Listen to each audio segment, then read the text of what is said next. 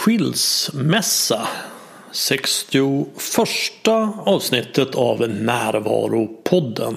En samlande kraft mot tankarnas terrorism.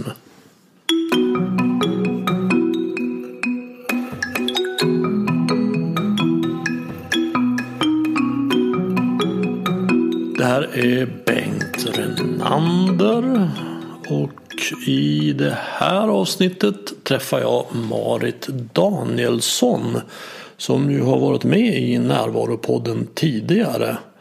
Och då pratade vi bland annat om förlåtelse. Och eh, nu ska vi prata om skilsmässa. För Marit producerar tillsammans med sin partner Magnus Skilsmässopodden och de har snart gjort 200 avsnitt. Och jag och Marit pratar om det finns ett självändamål med att hålla ihop. Om hur man kan göra ett diagnostiskt prov på relationen när man funderar på att skilja sig om hur det kan bli när den ena intresserar sig för personlig utveckling och den andra inte gör det. Om man måste ha sex för att ha det bra eller om man måste ha det bra för att vilja ha sex. Om att känna sig sexuellt otillräcklig.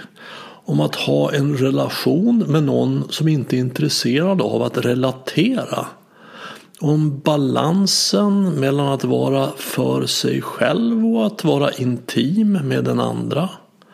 Om kostnaden för överanpassning. Om tendensen att välja ett känt helvete framför ett okänt paradis. Om relationen som en bra plats för personlig utveckling och om att vara ihop och bo isär om att se vad som händer om jag öppnar mig och bara säger sanningen. Om att vara medberoende och bli en möjliggörare av partners dysfunktionella beteende. Och om hur man kan singla slant som ett sätt att bestämma sig. Här är Marit Danielsson.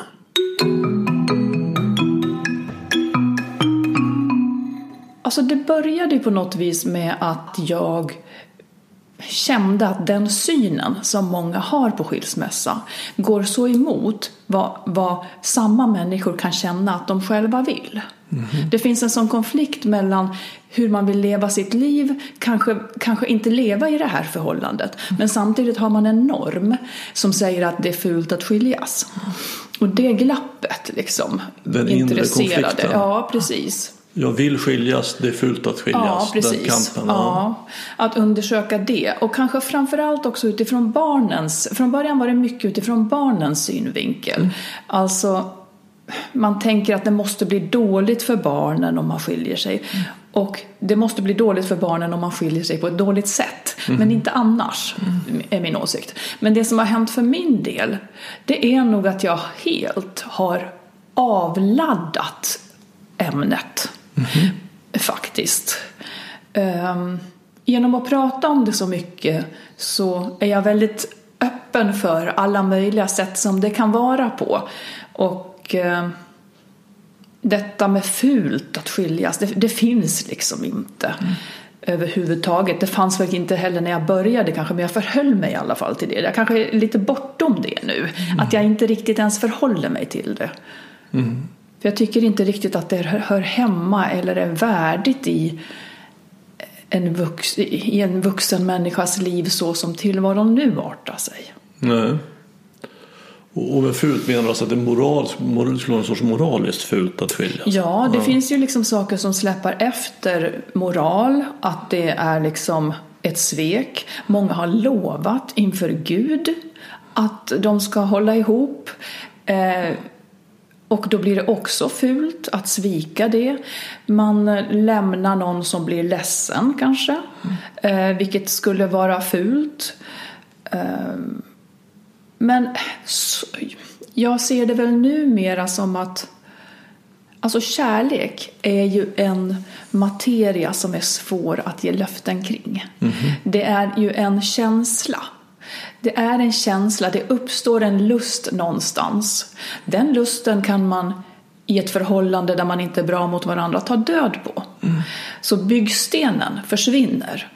Och eh, ska man då leva kvar med överbyggnaden så att säga, mm. fastän man får ett sämre liv? Mm. Så du tänker att, att, när man träffas så uppstår en lust, en, en, känsla och den finns där och sen så kan den då försvinna och då Absolut. är det bra att skiljas? Ja, nu gjorde du det väldigt enkelt. Ja. Men i grunden, ja. Mm. Men där är ju inte de flesta. Det är ju ingen som skiljer sig så lättvindigt tror jag. För båda har ju gått in, man går ju in i en relation ofta med föresatsen att det ska vara vi nu. Det vill båda två. Mm. Så det är ju lika mycket en sorg för den som kommer på att jag vill inte längre. Bådas dröm har gått i kras. Mm. Drömmen om en lycklig tillvaro har gått i kras. Både för den som vill lämna, för den trivs inte eller mm. mår inte bra, och den som blir lämnad. Mm. Och jättemånga kämpar ju, och det tycker jag är vackert. Att man kämpar, man tar hjälp, mm. man gör allt, man vill inte göra barnen ledsna och så vidare. Men när man har kämpat väldigt, väldigt länge och kanske håller på med samma saker som man inte kan lösa. Då finns ju faktiskt ganska stora utsikter att alla kan få ett bättre liv i en annan konstellation. Mm. Även barnen.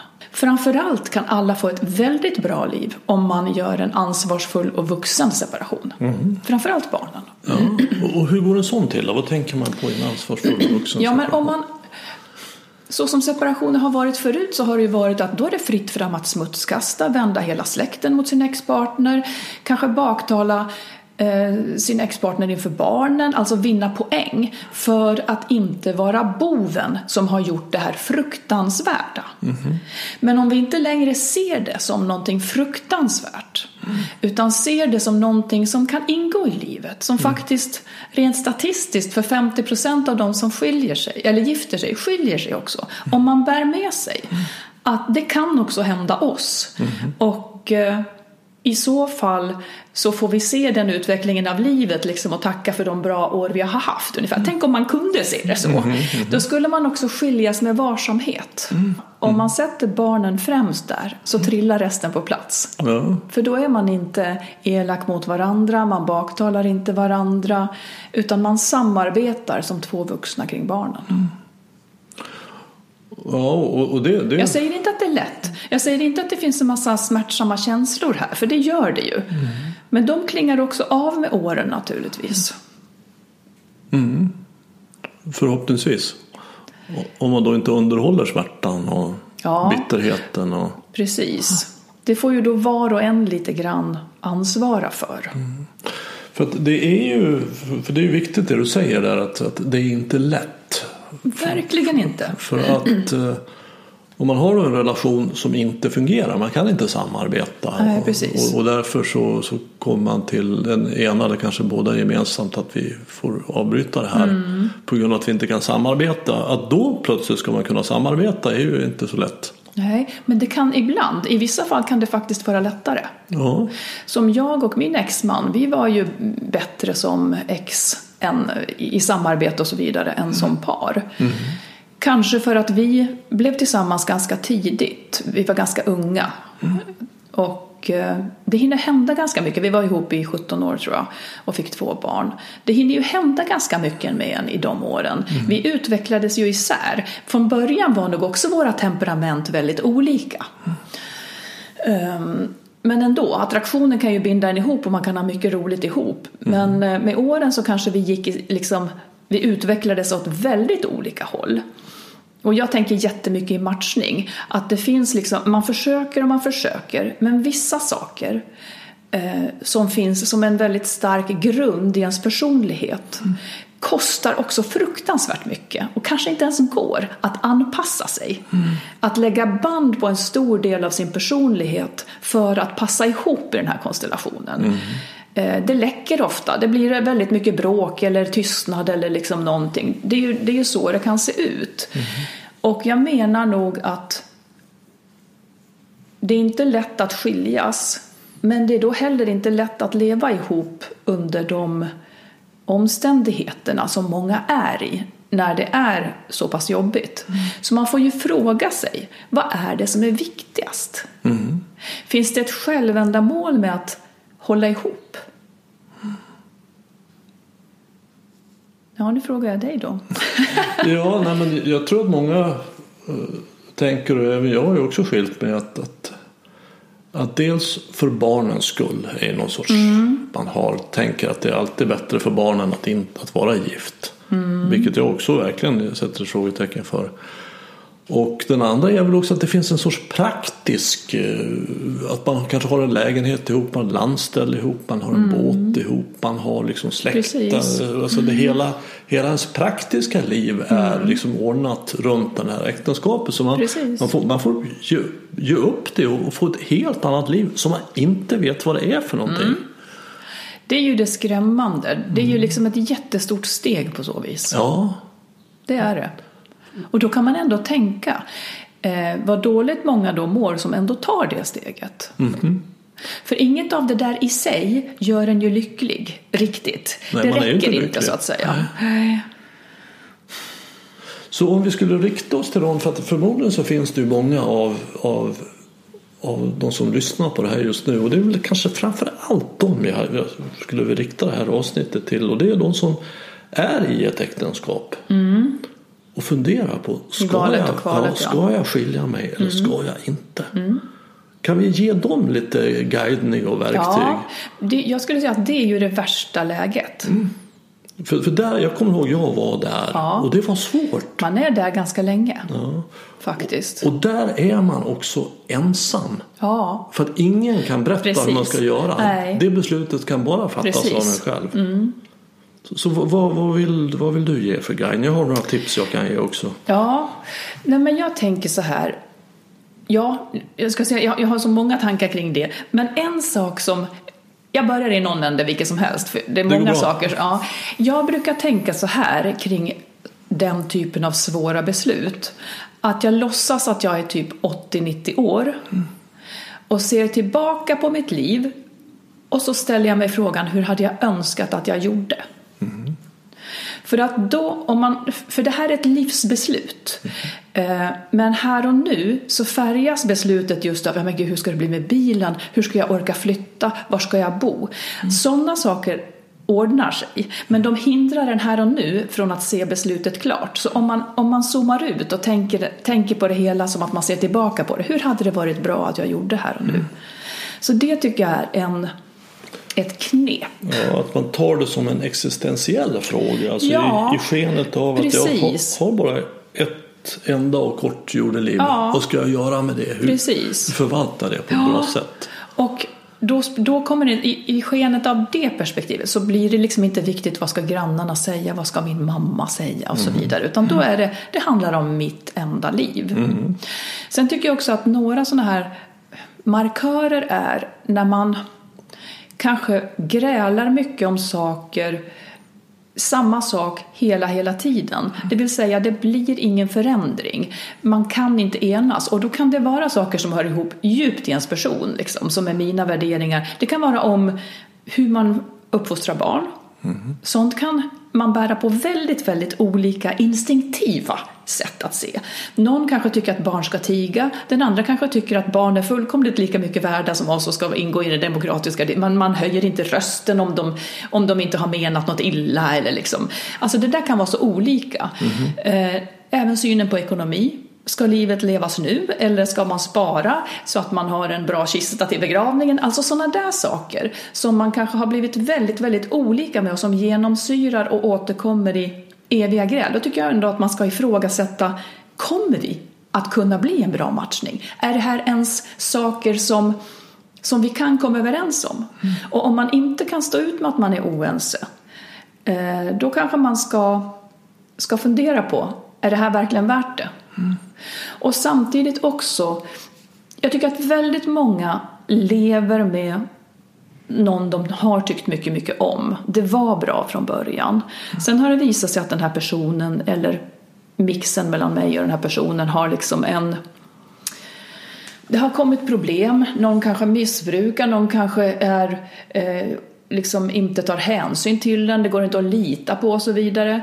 Men man lever med människans potential. Mm. Innerst inne är han en jättebra person. Mm. Egentligen är han en jättebra person. Mina sju dagar i veckan lever jag med en trasselmänniska som jag inte kan lita på. Men egentligen så är han en bra person. Det intalar man sig.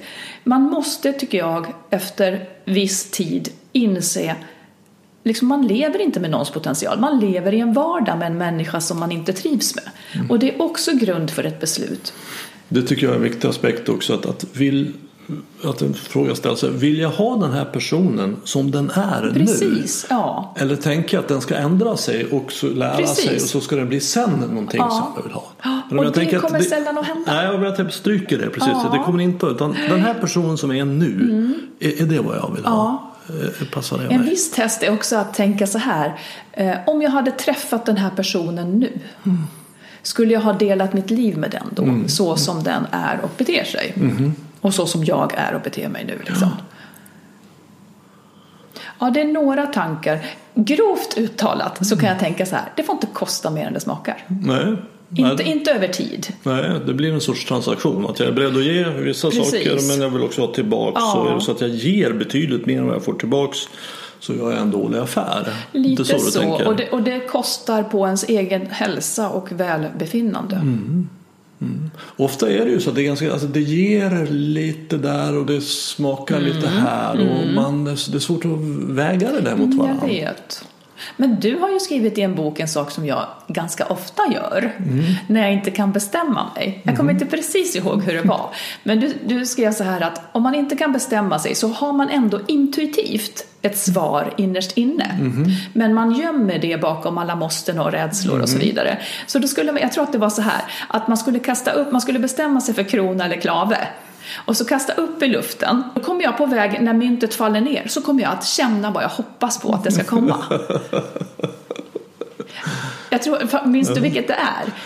Ja, Minns du att du har sagt det där?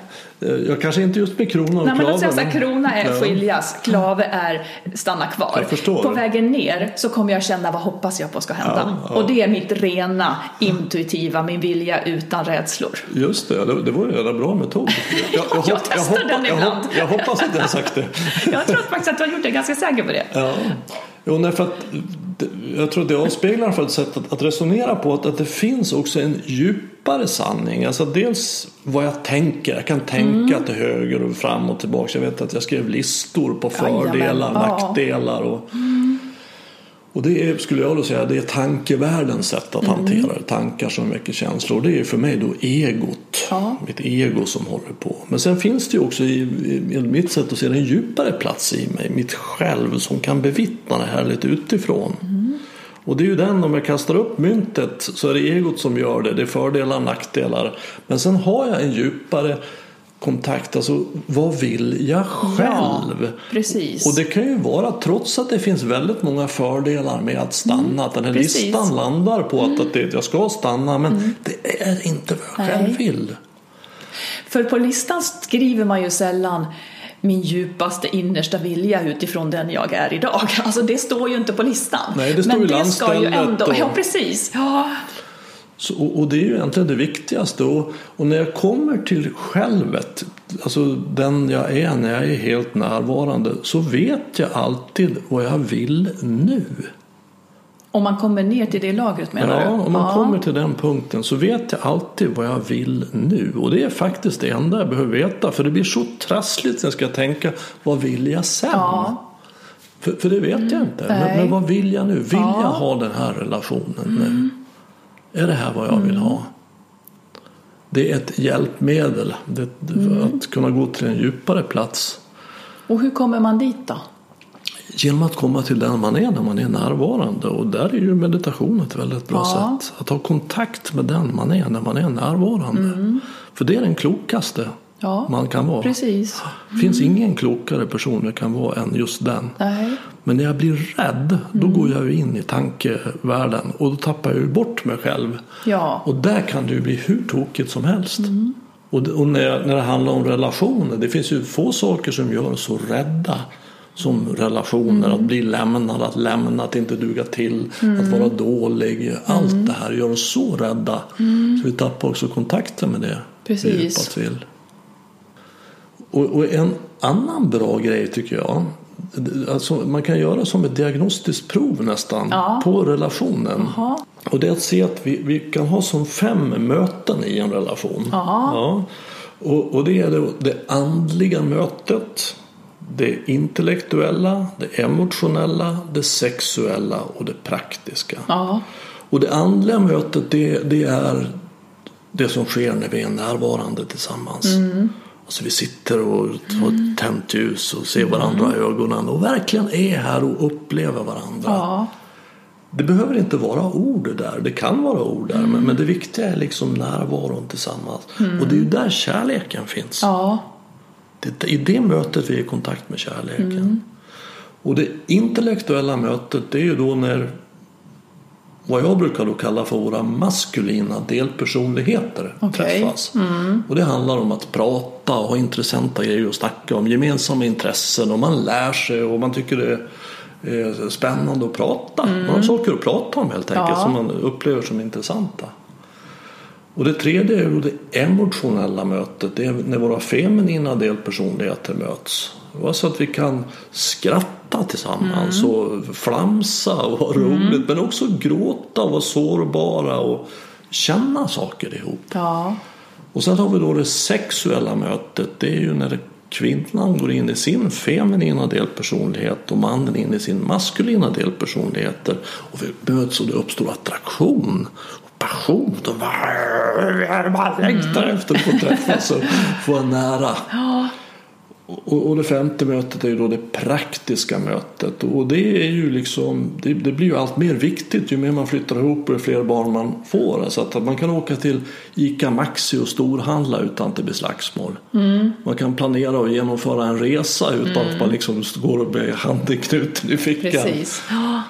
Och, och tyvärr är det ju så i många relationer att, att, att vi har delar av de här mötena, ganska mycket av de här mötena i början. Men sen det andliga försvinner, vi tappar närvaro, vi tappar samtalet, vi tappar skrattet, vi tappar passionen. Och kvar finns det någon sorts praktiskt arrangemang. Att hämtar du barnen på torsdag klockan fem så åker jag iväg mm. på brädgården på fyra så har vi dem där. Det är det enda som är kvar. Och då, vad man kan göra då är att man kan sätta sig ner och skriva ner de här fem mötena. Och så gör man, kan man ha en sorts skala från 1 till 10 och värdera hur, hur mycket, hur bra ligger vi till? 10 är topp Ja. och, 1 är liksom väldigt dåligt. Då. Vad, hur, hur, vad, gör jag för diagnostiskt prov på min relation här? Och 5 är ju då snitt så att kommer man under 25 då är det ju någonting Det som inte är riktigt bra. Nej. Nej. utan man vill ju helst ha 50. Ja. Men, men det kan ju kanske vara svårt att få ihop. Men, och sen kan man också tänka vad är viktigt för mig? För vi är Ja. Mm. ju lite olika där.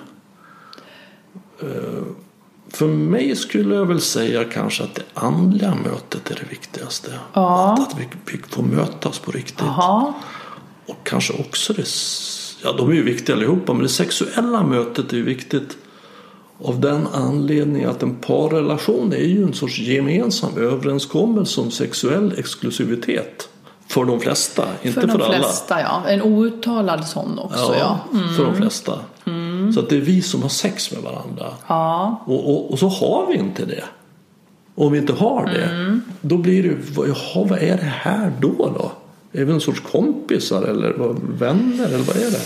Mm, precis. Det där pratar vi också ganska mycket om i podden. Ja, vad, vad, vad säger du då om det? Nej, men jag... Det vi hör, vi får ju många, många lyssnarbrev. Väldigt många saker landar i om man tar de här fem som du har så är det många som har problem för att hon inte vill ha sex med honom. Men då börjar det ofta i att, han, att hon är besviken på honom när det gäller de andra sakerna. Han delar inte vardagssysslorna med henne till exempel. Hon blir ju förbannad på honom då. Han är ju odemokratisk. Han låter henne dra tyngsta lasset. Det är ju också väldigt korkat och eh, inte särskilt attraktivt att Verkligen göra inte. så. Och då, vill, då tappar hon respekten för honom. För han visar inte henne respekt. Då vill hon inte ligga. Nej, det kommer jag ihåg du sa faktiskt förra gången Ja. det här också. Och det fäste sig med att en Ja. kvinna har väldigt svårt att känna attraktion till en man hon inte känner respekt för. Ja. Det tror jag är väldigt bra att ta in Ja. för män. Precis. Det är jätte, jätteviktigt. Och för en man så blir det som att sexakten, det här, återigen väldigt generaliserande, men för en man så är ju sexakten någonting som bevisar att man har det bra. Medan hon måste ha det bra innan hon vill ha sex. Och där blir det ofta fel. Men det är ju många också som lever i ett förhållande där de är mer som ett företag och också tycker att det är okej. Absolut. Det, min, min partner som jag också då har podden med, han betonar ju också det här att om man inte har sex ihop, vad är man då? Då är man ju som vem som helst annars, liksom, säger han. Men det är man ju inte tycker jag. Jag, har inte, jag delar inte all min lediga tid med någon annan. Jag har inte ett sommarhus med någon annan. Jag åker inte på semester. Alltså man har, det är ju ändå en exklusivitet. Men jag är så sjukt nyfiken på just det här med med kvinnors och mäns sexualitet. För det verkar gå åt skogen ganska ofta. Ja, det gör det. Det, det, det är väl Väldigt det som är svårast egentligen tror jag. Jag tror också det. Jag tror också det. Bortsett ifrån det praktiska kanske, för det blir också fel till slut. Men Men det hänger ju ihop. ja, det hänger Of, ihop. oftast blir det lite grann som att, att, att det sexuella energin och mötet i en relation blir som nästan som en sorts termometer för hur relationen fungerar. Ja, jag för att fungerar det det andra vara. Ja, så fungerar det sexuella Precis. mötet också. men man kan inte laga det med sex då. Nej, utan då måste man ju laga Vilket det en del trasigt. tror. Ja. ja. Jättesvår sak tycker jag. Faktiskt. Och där tror jag också att det är väldigt viktigt att ta in att vi är olika. Att män och kvinnor är olika. Ja, men det är ju där det då blir problem. När man ska leva i en tvåsamhet som, som kräver att man är hyfsat överens. Mm, absolut. Det, det är någonting med den konstruktionen som jag känner det finns frågetecken kring. Ja, och, och det innebär ju att, att nyckeln blir ju till en lyckad relation blir ju att hur hanterar vi det Ja. faktum att vi är olika? Precis. Att vi får vara olika, vi ser det, men vi hittar ett sätt att hantera det på Precis. som blir en, där olikheten blir en tillgång Ja. istället för en brist. Ja. Nej, det är, det är knepigt. För att det blir ju ofta så att hon då ska gå i någon terapi och få rådet att få upp sin sexlust. Aldrig har jag hört talas om någon som skickar honom dit och han ska få ner den. Nej, Att han ska minska sin sexlust. Han är normen fortfarande. ja. Men är det så? Ja, läs vilken frågespalt som helst. Jag är rasande på detta. Då är det hon som ska liksom Målet är alltid att man ska ligga så mycket som han vill. Eh, och då, om hon inte har lust så är det liksom ett problem.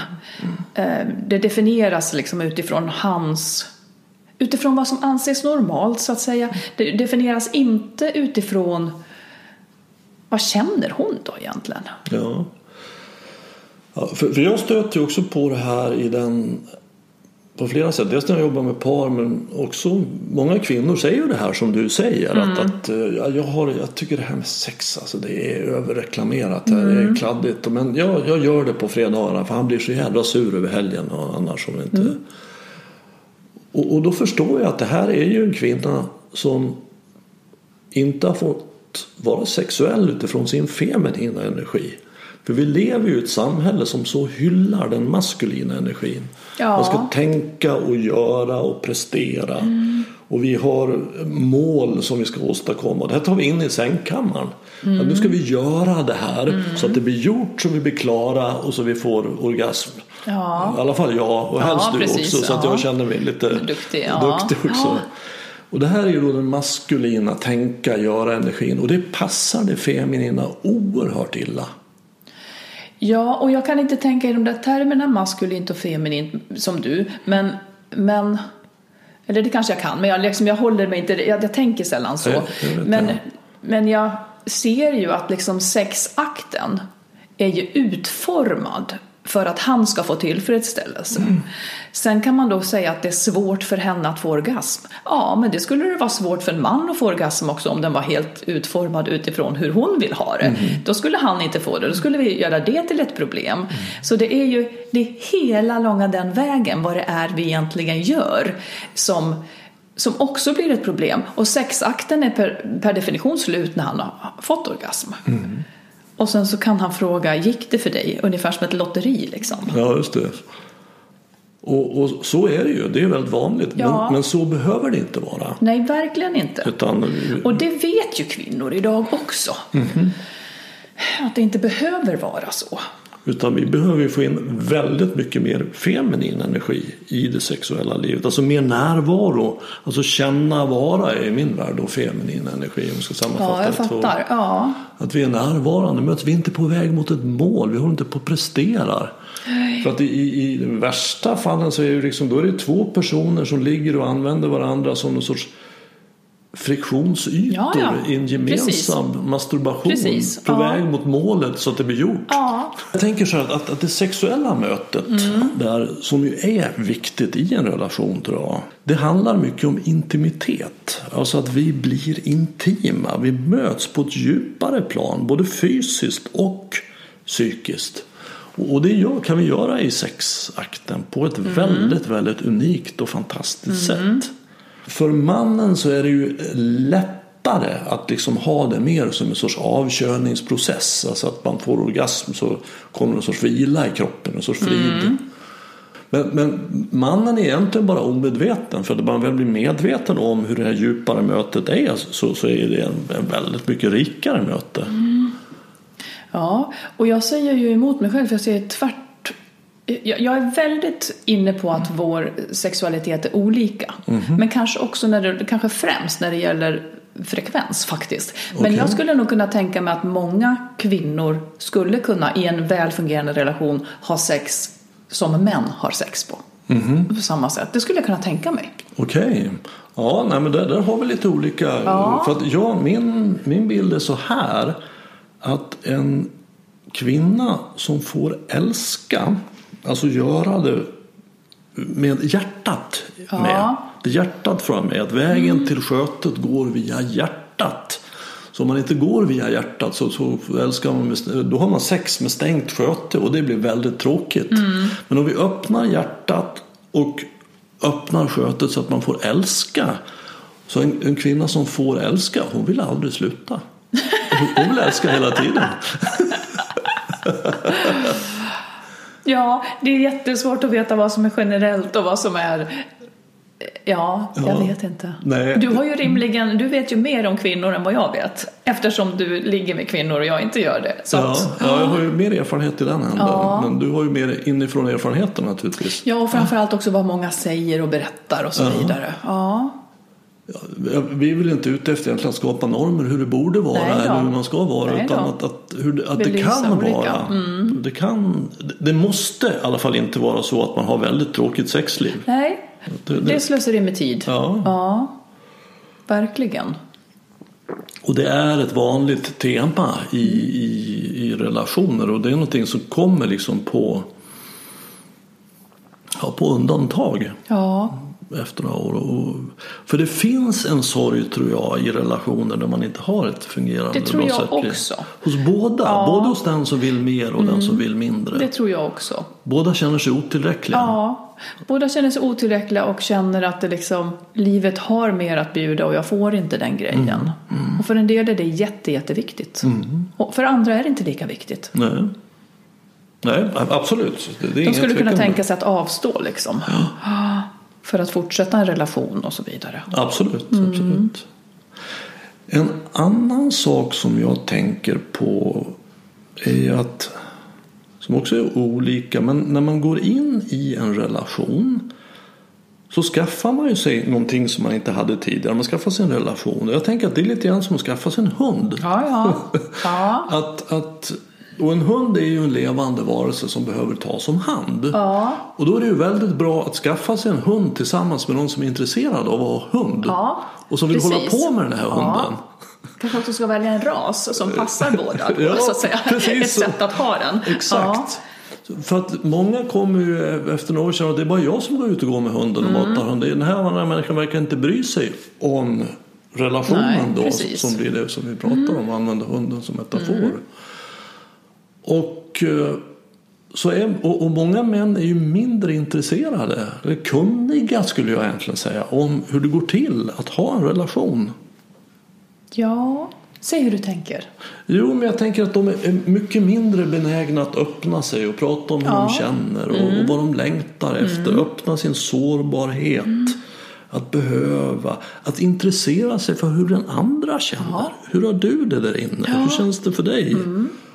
Utan är väldigt mycket uppe i tänka och göra Ja. och visar sin kärlek genom att gå ut och måla staketet. Precis. Ja, Nej, men det håller jag med om. Varför är det så, tror jag? Ja, vi, jag tror att det beror på att vi är olika och vi är också lärda olika. Ja. Jag tror inte vi är så olika som vi är lärda.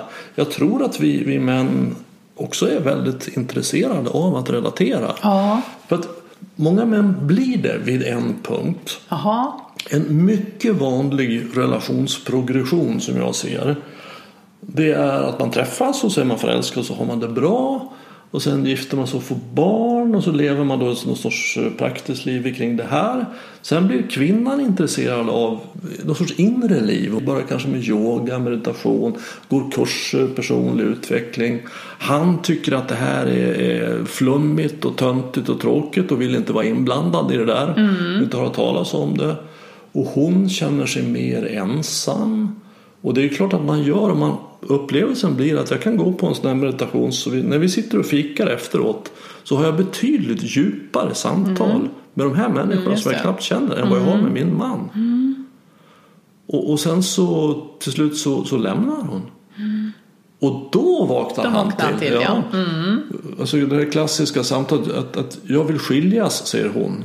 Han säger varför då? Vi Ja, som har det så bra. precis. Och hon säger vi har inte haft det bra på tio år. Nej. Han säger men varför har du inte sagt något? Ja. Hon säger vi har inte gjort annat. Precis. Alltså det finns en sorts mental instängdhet i många män som är uppe i huvudet, har inte kontakt med hjärtat och känner inte in att det här är inte bra.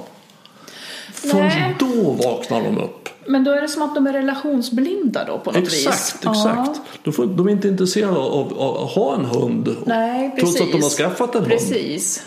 Vi använder den metaforen. Ja. Det funkade ju förr. Innan man kunde lämna sin man, då blev ju det här det sättet man kunde leva på. Man skildes inte. Nej. Man höll ihop, punkt slut. Nu när friheten finns och kvinnan har ekonomi att lämna, då blir det på det här viset. Då kommer det här i dagen. Liksom, att det här var inte ett, ett korrekt sätt att ha en relation.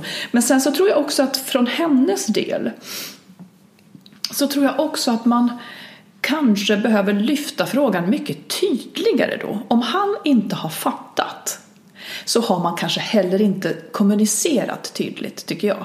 Man har inte, alltså om det inte har nått fram hur allvarligt det här är så har man ändå utgått ifrån liksom att man har Ja, då, då har man inte riktigt sagt det. Så jag tänker att tidigt, kvinnor som är i det här läget, tidigare måste säga att jag kommer att lämna dig om inte det här ändras. Ja. Så att han faktiskt får en chans. Så att han fattar allvaret i det här. Sen handlar det kanske också mycket om vad vi har för förväntningar. Alltså min personliga idealrelation är ju två människor som har ett varsitt fullgott liv eh, och sen tillsammans får en extra guldkant på det liksom och får det ännu härligare. Inte att jag har stora hål och, i, i min tillvaro som min partner ska fylla. Det vill säga lite grann det här om han inte gillar yoga, det bör inte vara ett problem för henne tycker jag. Nej. Det, det bör det inte vara. Sen kan det ju vara så att han är tråkig och hon inte, att, att det liksom, han gör mer skada än nytta i hennes tillvaro och då blir det ju så. Men jag tycker på något vis att var och en bör också kunna ta ansvar för att leva ett tillräckligt bra liv på egen hand också. Absolut. Det är då det blir som bäst. Om man sen liksom träffar, om man då har en partner som kan omfatta vem man är när man är som man är och som liksom tillåter frihet men som också ger mig kärlek och intimitet och allt det här så att mitt liv blir ännu rikare. Och därför en, en riktigt bra och välfungerande relation pendlar ju mellan de här två frihet, alltså att jag kan vara en individ och göra som jag själv vill och sen så intimitet, att jag har ett djupt möte och när jag får intimitet så vill jag längta efter frihet och det är inte frihet att ha sex med andra nödvändigtvis utan att kunna ja, göra, Ja. vara mig Ja. och sen så är jag oss, Ja, så är jag mig och att, att, att och det där är nog väldigt finns. individuellt. Jag tror att hemskt många, eh, jag vet inte om det, jag vet inte, men jag tror att hemskt många börjar i att man vill ha trygghet. Mm. Och den kan ibland då ha ett väldigt högt pris. Just det. Så det är därför det är så viktigt att man har den tryggheten, inte i relationen. Man kan liksom inte outsourca den. Den måste vara inifrån sig själv. Ja, för att annars så i det blir det ju då när man sitter med det här arket med två kolumner, Mm. lämna, stanna. Om trygghet ligger i stanna-kolumnen, Mm. för det är så viktigt för oss, så väger ju det tungt. Väldigt, väldigt tungt. Och om man får trygghet så kan, och är beroende av det så kan det också det kan bli så att man är villig att betala ett ganska högt pris. Man kan bli lite dåligt behandlad men man har ändå tryggheten. Det är så viktigt för många så att det är ju ändå någonting som man bör prioritera att lägga så att man kan ha i sig själv. Att bli trygg utan en annan person. Det låter ju hemskt att man säger så men, men eh, som att man inte skulle våga så att säga ge sig hän i kärlek. Men det är alltid en risk och den kommer man ändå alltid att behöva ta så att säga. Risken att bli lämnad, den ingår ju i varje relation. Den får man ju lära sig att leva med. Och är det inte så att om man är, känner sig trygg i sig själv, med sig själv, att, att sannolikheten för att man ska kunna ge sig hän i kärlek är större då? Helt sant. Helt sant. Och man ägnar ingen tid åt att, åt att liksom överanpassa sig av rädsla för att bli lämnad. För den här överanpassningen den kostar ju också till slut så att den ändå inte liksom blir bra. Jag ska ju kunna stå med alla mina konstigheter eh, och säga så här är jag. Och därifrån ska jag leta efter någon som gillar en som är som jag. Annars har vi inte en matchning. Om jag står här och, tänk, och, och liksom säger jag, är, ja, men jag kan vara si, jag kan vara så, jag anpassar mig. Då väljer jag någon som vill ha en kvinna som anpassar sig. Eh, Ja, då har jag hamnat i det läget liksom. Jag, jag tänker att, att vi, vi är ju rent generellt väldigt, väldigt mycket mer rädda än vad det finns anledning till i verkligheten. ja. Rädsla är ju evolutionärt gynnat. Precis. Så att när vi står inför det här beslutet, should I stay or should I go? Ja. Så är vi ju enormt mycket mer rädda. Alltså det, det, det finns ju en stark tendens att välja ett känt helvete Ja, framför absolut. ett okänt paradis. Ja. För att man vet inte vad det här blir. Nej. Men det är väl, jag vet inte, har du, genom, har du träffat någon som har ångrat att de har skilt sig? Nej, det tror jag inte att Det jag är har. väldigt sällan. Det är väldigt sällan, ja. Utan man säger, det var jobbigt och sådär.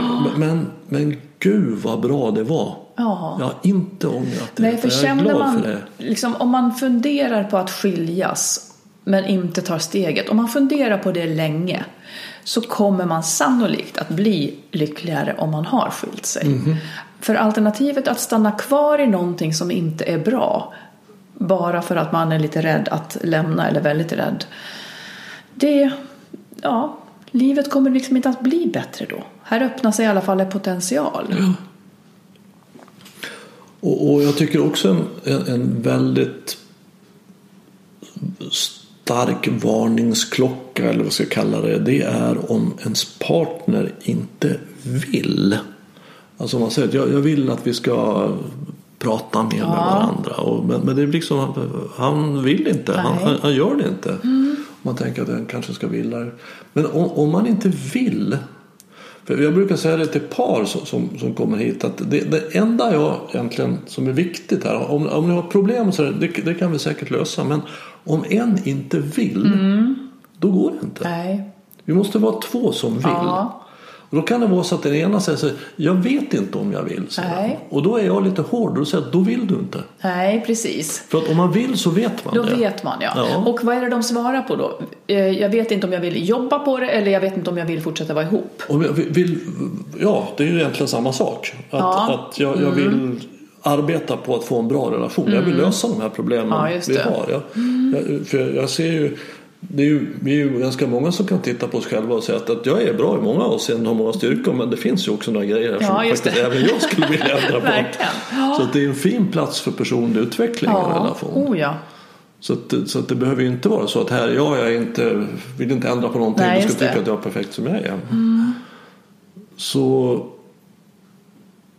att man kan fråga sin partner, vill, vad vill du Ja, i den här relationen? Jag, jag funderar på om vi ska skilja oss. Mm. Ja, just jag, det. Mm. jag, är, jag är här i vågskålen, jag vet inte riktigt. jag tycker det är jättebra att fler skulle säga sånt. Ja. För det är, ändå det, det är ändå det, till slut så kommer det som en överraskning kanske. Jag Ja. tycker att det är mycket bättre att säga, ah, fasiken ibland tänker jag om vi skulle ha det bättre om man skilde sig. Ja. Alltså att man bara säger de orden. Ja. Så att man väcker varandra. Absolut, då ska man också fråga sin partner, hur tänker Ja, du? precis. Ja, Ja. Hur, hur ser det här ut för dig? Jag tror att det skulle vara jättebra. Ja. Och det, det ingår i det här liksom att avladda det hela för att man låtsas om som att det överhuvudtaget inte finns. Men en människa i paret går och ältar här år ut och år in Mhm. och tänker, kanske redan börjar liksom drömma om där ska jag bo. Och den andra är inte alls invigd. Nej. Nej, precis, har ingen aning om det. Har ingen aning. Nej. Tror att det är bra för hon har inte sagt något. Nej. Vad, vad är din erfarenhet? Är det oftast kvinnor som vill skiljas? Absolut. Ja, det är det. Ja. Tre Absolut. fyra eller hur? fem? Ja, det, det, är, det är nog ännu fler. Eller tre av fyra. Ja, men 75%. kanske något sånt där. Ja, Ja. Mm. något sånt. Ja. Och, ja precis. Det, och, det, och det är någonting sorgligt med det.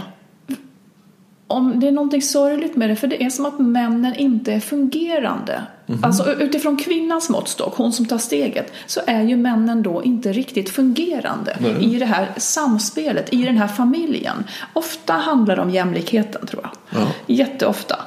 Eh, Men jag vet inte. Det är som att eh, det händer ju någonting nu när, när det har blivit mer okej att skilja sig så ser man hur illa det egentligen var. Om hälften av de som gifter sig skiljer sig och väldigt många av de som är ihop går och funderar på om de ska. Då är ju den här tvåsamheten inte riktigt en härlig idé. Alltså den verkar inte funka för så många. Nej. Så att eh, det att de, måste vara någonting i löftena som man har gett varandra som inte stämmer riktigt med hur man i praktiken vill ha det. Det stämmer i alla fall inte för båda. Nej. Men jag tänker ju också att det hänger väl, väldigt intimt samman med också vad vi lär oss om hur det går till att ha en relation. Ja. Vi blir inkastade eller vi kommer in i relationer utan att få lära oss egentligen någonting om hur det går till att relatera. För att ordet relation, det här vi har, ger ju en ledtråd till vad vi ska hålla på med. Vad ska vi göra? Hur vi ska relatera. Ja. Och hur går det till då? Och jag menar ju det att det, det handlar väldigt mycket om att se varandra. Vara Ja. närvarande. Det handlar om att lyssna. Ja, Och, och, och prata, vara ärlig, vara sann. Jag, jag ger dig min sanning och du är beredd att lyssna på den och, och vice versa. Och att förstå. Ja. Hur ser det här ut för dig? Ja, Och så här ser det ut för mig. Och, och, och nästa steg då att, att, så vad gör vi med det här då? Ja. Du vill plantera en enbuske på gården och jag vill ha en tall. ja, Vad gör vi? Hur gör vi med det? Ja. Kan vi ha båda eller ska vi ta en björk? Eller vad, Precis. vad gör vi med det? Och om vi då kan gå igenom det här för att, att vi kommer att, att stöta ihop, i, Mm. ha konflikt om olika saker, det är fullständigt klart oavsett vem vi är tillsammans Mm. med. Men vad gör vi då? Ja, jag, precis. jag tjatar ju här om det goda samtalet. Ja. Att vi kan gå till det goda samtalet istället för att använda oss av våld. ja, ja. Och då menar Mm. jag dels det olagliga våldet men det vanligaste är ju det lagliga våldet. Man surar och Ja. straffar och kastar kanske en tallrik eller Mm. kritisk, sarkastisk, ironisk. Allt det här. Och det föder mer våld. Ja. Och för varje gång vi har haft en konflikt så har vår, vår relation blivit lite sämre. Ja. Så blir den sämre. Hunden blir sjukare och sjukare och tappar päls och kan inte gå. Och sen hund, dör den till slut. ligger en död hund. En död relation där hemma. Men vi kanske är kvar, går runt där i alla fall trots att relationen är död. ja. Men om vi använder oss då av det goda samtalet så visar det sig att vår relation blir bättre efter varje konflikt. Ja. Vi var Det är ju olika, det vi som tyckte ska olika. vara en konflikt, tycker ja, jag. Precis. Ja. Och vi, men vi lyssnade på varandra och vi förstod varandra och vi hittade sätt att lösa det här Mm. på. Så tittade jag på varandra. Wow! här, vilken människa som jag har blivit ihop med. Ja. Och vilken människa jag har blivit. Jag är stolt över mig själv. Mm. Jag gillar den jag är när jag är ihop med dig. Och då har vår relation blivit lite bättre. Ja. Att gud vad bra att det här dök upp med Precis. den här enen eller tallen på gården. För Jag, jag tänker ofta på det i jobb. Jag är inte så konflikträdd, men i, i mitt arbetsliv så dyker det upp saker som man vill ta itu med, som kanske många tycker är obehagliga att ta itu med. Men min ingång är ju att efter den här konflikten så ska någonting bättre ha hänt. Vi ska komma fram till någonting bättre. Eh, Det funkar ganska bra i arbetslivet, men för många funkar kanske inte det i en relation riktigt. Det är som att det det kommer in så mycket annat, tyvärr. Men jag, jag kan tänka ofta att det är inte så dumt att hantera en, en privat konflikt som en jobbgrej, Nej. faktiskt. Att vara lite ren, inte lägga på så många lager av du ska alltid, alltså man, man får prata som man skulle göra på jobbet. Man lägger fram sin grej, lyssnar, vad tycker du? Ja.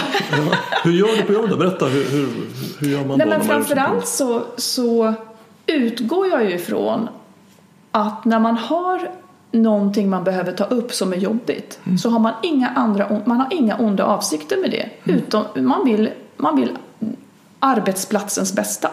Och då, därmed kan man tala väldigt fritt. Det är inte så personligt på ett sätt. Inte alls personligt. Men, men det hamnar man många lätt i ändå, även på en arbetsplats. Att, att man liksom... Men bara man känner sig trygg i det här gör ju jag för att jag tycker inte att det här går rätt till. Den här ärligheten som jag tror du är Ja, ute efter. Att ja, bara öppet och precis. ärligt redovisa vad, som, Ja. vad som sker i Ja. en. Jag blir, det kanske vore bättre om jag inte var så irriterad på det där men, men nu är Nu jag är det. jag det, ja. Mm. och, och, det och eftersom det är ett problem för mig så blir det ett problem för oss. Precis. För det jag tar in i relationen det blir ju problem i relationen Ja. också. Ett, en, en stor sak som vi ofta missar, nämligen att normen ser ut på ett visst sätt. Man bor ihop, man flyttar ihop och så vidare. Jag till exempel bor inte ihop med min partner. Och det är liksom det funkar ju, vi har inte barn ihop då, men det skulle säkert kunna gå att tillämpa även om man hade det. Men, men jag som person drar väldigt mycket egen tid. Jag vill gärna ha en relation, men jag vill inte ha en så nära relation i tid, så att säga. Jag vill ha mycket timmar av mitt dygn ensam. Mm. Eh, och det där är också någonting som jag tror gör en relation svårt för många. Att det är för mycket tid tillsammans. Jättemånga har svårt att koppla av i närheten av en annan människa. För att man är lite för lyhörd eller man, är liksom, man, man har saker, ens intressesfär kanske är sånt som kräver avskildhet och så vidare. Redan där ska man också lyssna mycket på sig själv, vad det är man vill. Jag har liksom allt, jag har känt mig dum och konstig som där det har tagit energi för mig så att säga att vara i ett par. Eftersom idealet är att man, åtminstone det grovhuggna, att man, man älskar att vara tillsammans hela tiden och så vidare. Det gör jag inte. Jag älskar min partner oerhört mycket. Han är, han är bäst liksom. Eh, men jag, jag vill inte vara med honom hela tiden. Det behöver vara själv ibland. Mycket. Mycket, inte ja. bara ibland. Grundläge gärna. Nej, och om man då är det, för, för det kan ju alla känna igen. Jag känner igen det också. Ja. Och jag tror också jag är oerhört mycket på den skalan. Men eh, alla befinner sig någonstans på den skalan. Om man då är i situationen att nu är det en sån här tid jag skulle vilja vara själv. Jag skulle behöva det. Och så är det en annan person där. Och, Mm. och den enkla anledningen att hon bor där. Ja. Så blir man ju irriterad på den här personen. Verkligen. Trots att hon inte har gjort Precis. Mm. något. Hon har inte gjort något fel överhuvudtaget annat än att vara där. Så att en, en, viktig fråga är ju alltså hur hanterar vi det faktum att vi behöver vara Man flyttar inte själva? ihop. Man, man överväger att inte flytta ihop till exempel. Ja. Redan där har det ju då gått snett. Så om vi riktar oss till den här lyssnaren som vi ser framför oss som sitter här med sin lista. Mm. Lämna, stanna. Så skulle ett alternativ kunna att, att vi kanske ska flytta isär Ja. men inte skilja oss. Verkligen. Ja. Verkligen. Det kan hjälpa många. Ja. Har du stött på några sådana Ja. fall? Ja. Absolut. Förutom ditt eget? Ja, precis. Nej, men eh, det tror jag. Vi får sådana brev där de, där de sen också hör av sig att de har, de har kvar relationen men bor inte ihop och löser det praktiskt med barnen. Eh, på så vis att det kan vara varannan vecka eller det kan vara mer flytande men att, att man liksom det finns ett rum för att vara den man, man är så att säga när man inte är i en tvåsamhet. Redan där tror jag att det är mycket som går snett när man, när man tänker att när man föser ihop sig fastän man kanske inte är en sån människa egentligen som vill det. Mm. Och det, tag, det liksom, locket där har ju öppnats eh, i och med att nu har Alltså förut så var det normen och det, var, det fanns inget annat att välja på. En kvinna skulle inte ha haft ekonomi att kunna leva ensam ens. Mm. Men nu när kvinnor har det så finns det ju någonting här hon kan längta till. Mm. Och då blir det här väldigt instängt om man, om man lever i en, i en familj med, med en man kanske, eller i ett par, barnen kanske är utflugna. Mm. Men man, man känner att liksom det här det kringskär mig, eller den jag är får inte riktigt plats här. Mm. Det blir också ett missnöje som kanske går ut över relationen i onödan. För hade mm. man inte haft varandra in på sig hela tiden så hade det inte varit ett problem. Nej. Det, det där är ju ett, ett område där det brukar vara så att en vill mer och en vill mindre. Mm. Alltså, Verkligen. Mm. Vi brukar prata om att det finns sex områden där, där vi grälar i en relation. Ja, ja. Mm. Även om mm. du Nej. har hört den indelningen. Och det är hushållsarbete, det är pengar, sex, barnuppfostran, umgänge med släkt och vänner och personlig intimitet. Ja, ja. Alltså hur mycket ska vi prata med varandra, hur djupt ska vi ja. prata och hur ofta ska vi Precis. träffas. Mm. Och inom alla de här sex områdena så, så, brukar det vara så att den ena vill mer och den andra ja. vill mindre. Och sen är det olika då på de olika områdena mm. naturligtvis. Och det orsakar konflikter. I början gjorde det jättemycket för oss. Ja.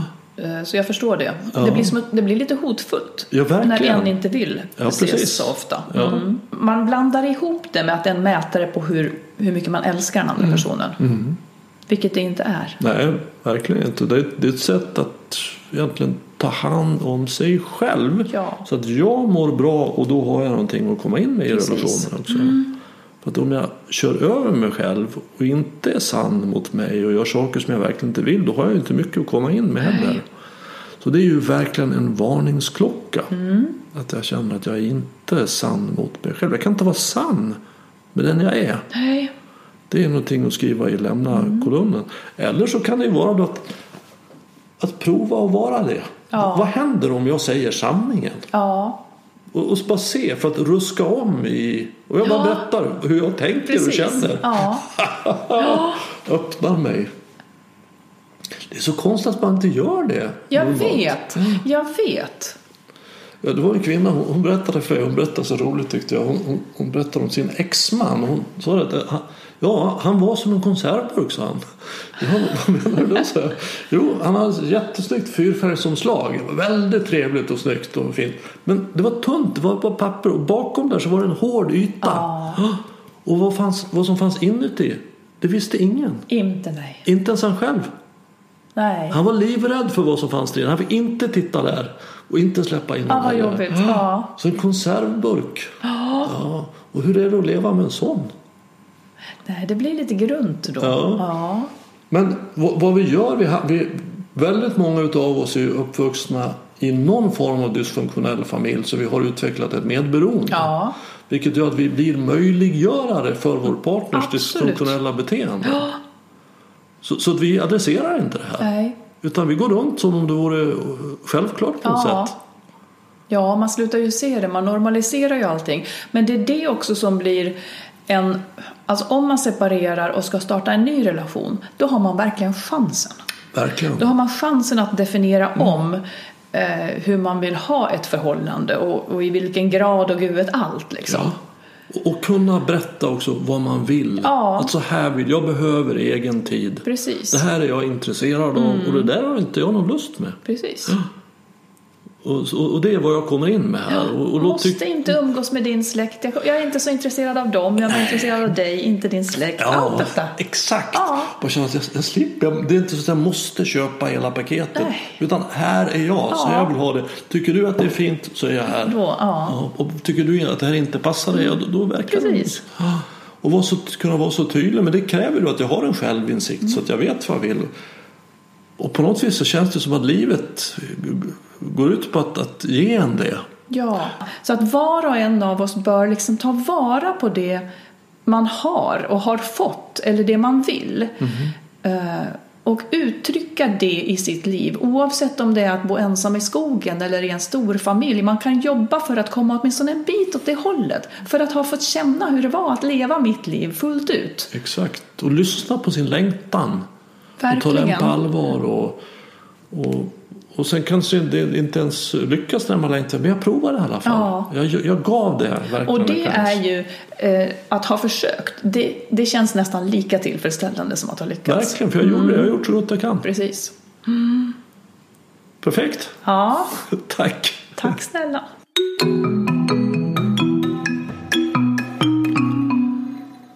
Om du vill komma i kontakt med Marit eller lyssna på Skilsmässopodden så finns en länk till deras hemsida i anslutning till det här avsnittet på min hemsida renander.nu. Jag gör den här podden för att sprida kunskap om hur medvetenhet och närvaro kan hjälpa oss att sluta terrorisera oss själva med tankar. Om du vill stödja podden, hjälp till att sprida den genom att tipsa om den till vänner och bekanta. Det är ju också hjälpsamt om du betygsätter och skriver kommentarer på iTunes. Vill du veta mer om hur man går på den här smala vägen som heter medvetenhet och närvaro? Köp min senaste bok Stoppa tankarnas terrorism. Boken har fått många positiva omdömen som tydlig, klar, enkel och väldigt användbar. Och att du dessutom stödjer mig i det här arbetet är ju en positiv bieffekt.